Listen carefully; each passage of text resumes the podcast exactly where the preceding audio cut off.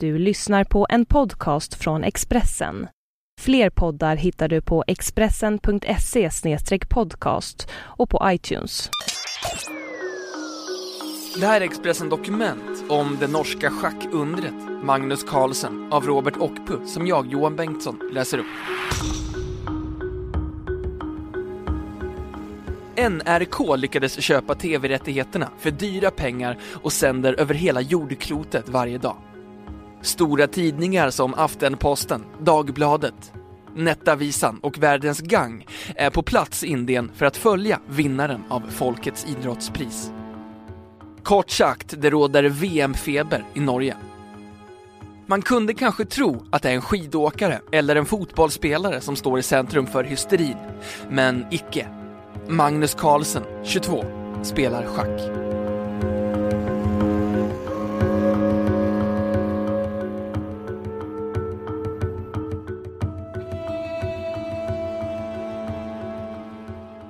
Zlatan Ibrahimovic håller presskonferens inför årets viktigaste landskamp. Men första frågan handlar varken om Portugal eller Cristiano Ronaldo.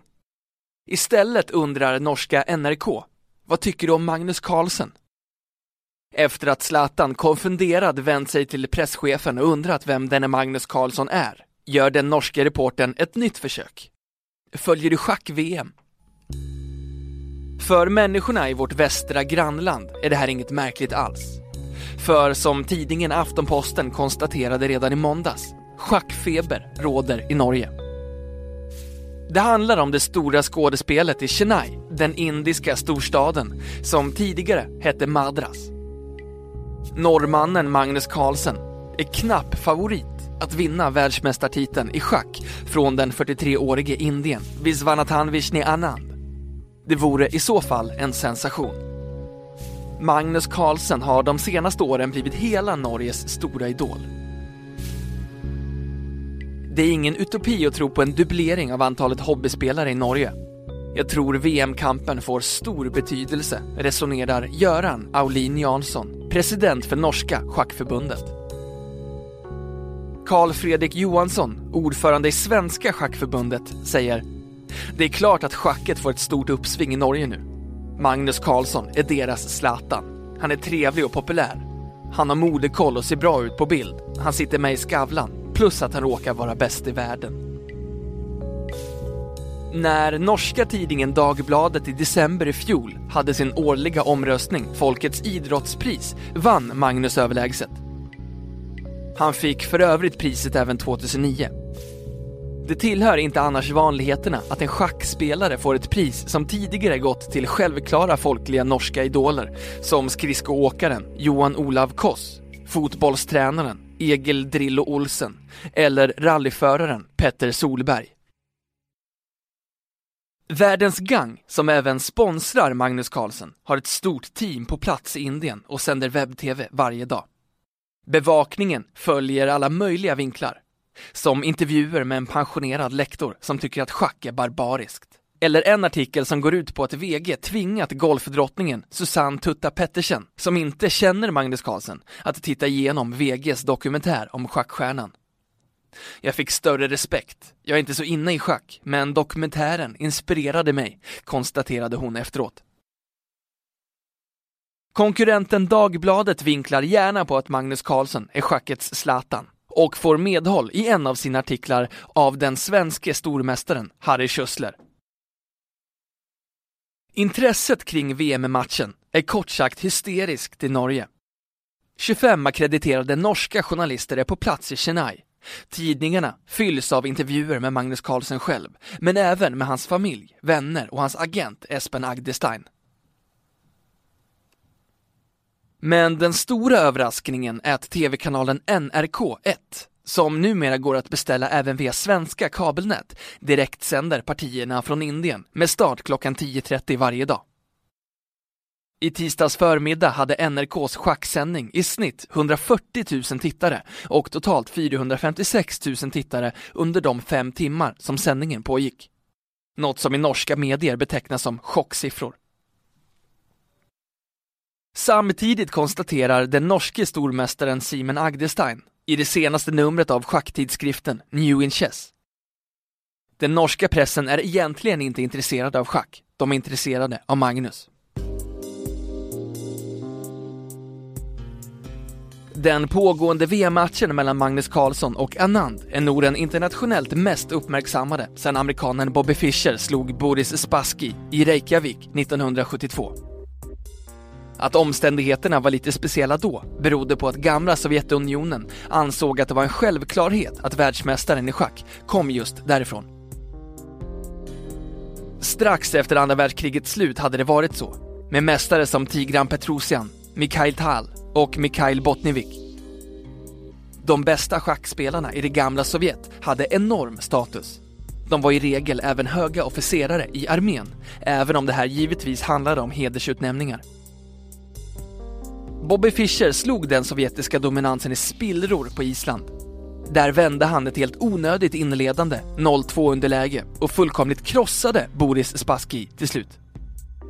Det här blev en injektion för schackets popularitet, i alla fall i väst. Ryska gubbar i grå kostymer var ju inget som bidrog till att sprida det anrika spelet över jordklotet. Och med Magnus Carlsen är samma sak kanske på väg att hända igen. Även om det kalla kriget är ett minne blott. Precis som den excentriske Bobby Fischer har han slagit ner som en blixt från klar himmel, från ett land som saknar större schacktraditioner. Än så länge har pappa Henrik Carlsen kunnat sköta affärerna tillsammans med agenten Espen Agdestein. Magnus Carlsen gör bland annat reklam för klädmärket G-Star Raw. För några år sedan var han med i en uppmärksammad jeanskampanj tillsammans med Liv Tyler. 22-åringen har redan ett stort antal sponsoravtal, men en världsmästartitel skulle givetvis öppna fler dörrar. Pappa Henrik är precis som mamma Sigrun utbildad ingenjör och har hela tiden varit sonens största fan. Modern tyckte att det var onormalt att Magnus redan som femåring kunde memorera alla länders huvudstäder och befolkningar. Men Henrik Karlsson har sagt i intervjuer att han inte reagerade nämnvärt på det. Jag har lagt mycket tid på att tänka på hans stora schackintresse. Mest från att han var 9 till han blev 13, 14, 15. Under en av turneringarna i Gausdal år 2000 sa min fru till mig Det ser ut som att han lider. Jag vill bara ta honom under armen och ta hem honom. Det måste göra ont att sitta där i timmar och bara tänka. Magnus hade redan vid väldigt tidig ålder börjat äta vid ett separat bord än vi andra, tre meter bort, så att han kunde sitta vid sina schackpjäser. Supertalangen Bobby Fischer var faktiskt 29 år när han blev världsmästare. Magnus Carlsen är bara 22, även om han fyllde 23 den 30 november. Och Carlsen var endast 13 år när han erövrade titeln internationell stormästare. Fischer var 15. Nu ska det tilläggas att det finns en viktig skillnad mellan Magnus Carlsen och Fischer. Magnus Carlsen förefaller, bortsett från sin höga intelligensnivå och sitt fotografiska minne, att vara en ganska normal person. Fischer var, eller i alla fall blev, så nära en socialt missanpassad galning som spårade ur helt efter att han blivit världsmästare. Magnus Carlsen har berättat om sina tankar efter att ha sett Liz Garbus dokumentärfilm Bobby Fischer Against the World. När jag såg den filmen tänkte jag, kommer jag bli så här? Jag tror ju inte det, men den fick mig att tänka på att jag borde ha det i åtanke. Magnus Carlsen förefaller vara en trevlig prick, i alla fall vid sidan av schackbrädet. Men när det är dags för schack är han en hänsynslös maskin som vill vinna till varje pris. Jag njuter av att se motståndaren lida, av reaktionen när han vet att jag överlistat honom, berättade norrmannen när amerikanska CBS för tre år sedan gjorde ett inslag kallat Mozart of Chess om Carlsen. Alla schackspelare har ett rankingvärde, ett så kallat ELO-tal. Ju högre desto bättre. Magnus Carlsen är den första spelaren i schackhistorien som nu snuddar vid det skyhöga ratingtalet 2900, vilket gör honom till världsetta och alltså högre rankad än den regerande världsmästaren Viswanathan Vishianand. Efter att ha förlorat mot förre världsmästaren Kasparov vid 13 års ålder sa Magnus Carlsen Jag spelade som ett barn. Att det tog nio år för Magnus Carlsen från stormästartitel till VM-match kan möjligen förklaras med att han är lite bekvämare än de framgångsrika ryssar som under kalla kriget nästan spelade med en pistol mot huvudet. Å ena sidan åtnjöt de enorm status, å andra sidan var seger närmast ett krav. Misslyckanden, som Spaskis berömda fadäs mot Fischer, var inget som staten egentligen tolererade. Magnus Carlsen säger själv att han egentligen är lat och helst sover till klockan 12 på dagarna, om han har möjlighet. Han har varit världsetta med ett kortare uppehåll sedan 2009. Men i schack räcker det inte att vara världsetta för någon som verkligen vill skriva in sitt namn i historieböckerna. För att bli erkänd som världsmästare måste man besegra den regerande världsmästaren i en match över 12 partier, heads up. Det är därför som Magnus Carlsen i dessa dagar sitter och svettas mot Visvanathanvishe Anand på det femstjärniga hotellet Hyatt Regency i Chennai. Det är inte bara ära och berömmelse som står på spel i Chennai. Matchen har en sammanlagd prissumma på cirka 2 250 000 dollar, varav 60% till vinnaren. Dessutom har norrmannen fått 137 000 dollar i kompensation för att han har gått med på att spela mot Anand i världsmästarens hemstad. Exakt vad Magnus Carlsen tjänar som schackproffs är oklart, men uppgifter gör gällande att siffran överstiger 10 miljoner kronor årligen. I CBS-inslaget Mozart of Chess försöker Magnus förklara varför han är rankad som den främste i den främsta av intelligensspel.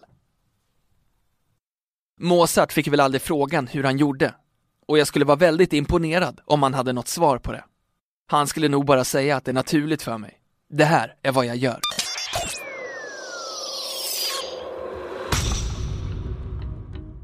Du har lyssnat på en podcast från Expressen. Ansvarig utgivare är Thomas Mattsson. Fler poddar finns på Expressen.se och på iTunes.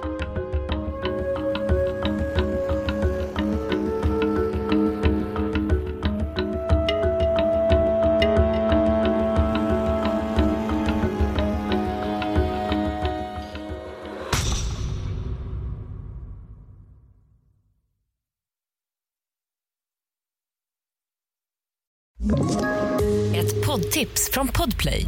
I fallen jag aldrig glömmer djupdyker Hasse Aro i arbetet bakom några av Sveriges mest uppseendeväckande brottsutredningar. Går vi in med hemlig telefonavlyssning och, och då upplever vi att vi får en total förändring av hans beteende. Vad är det som händer nu? Vem är det som läcker? Och så säger han att jag är kriminell, jag har varit kriminell i hela mitt liv men att mörda ett barn, där går min gräns. Nya säsongen av Fallen jag aldrig glömmer på Podplay.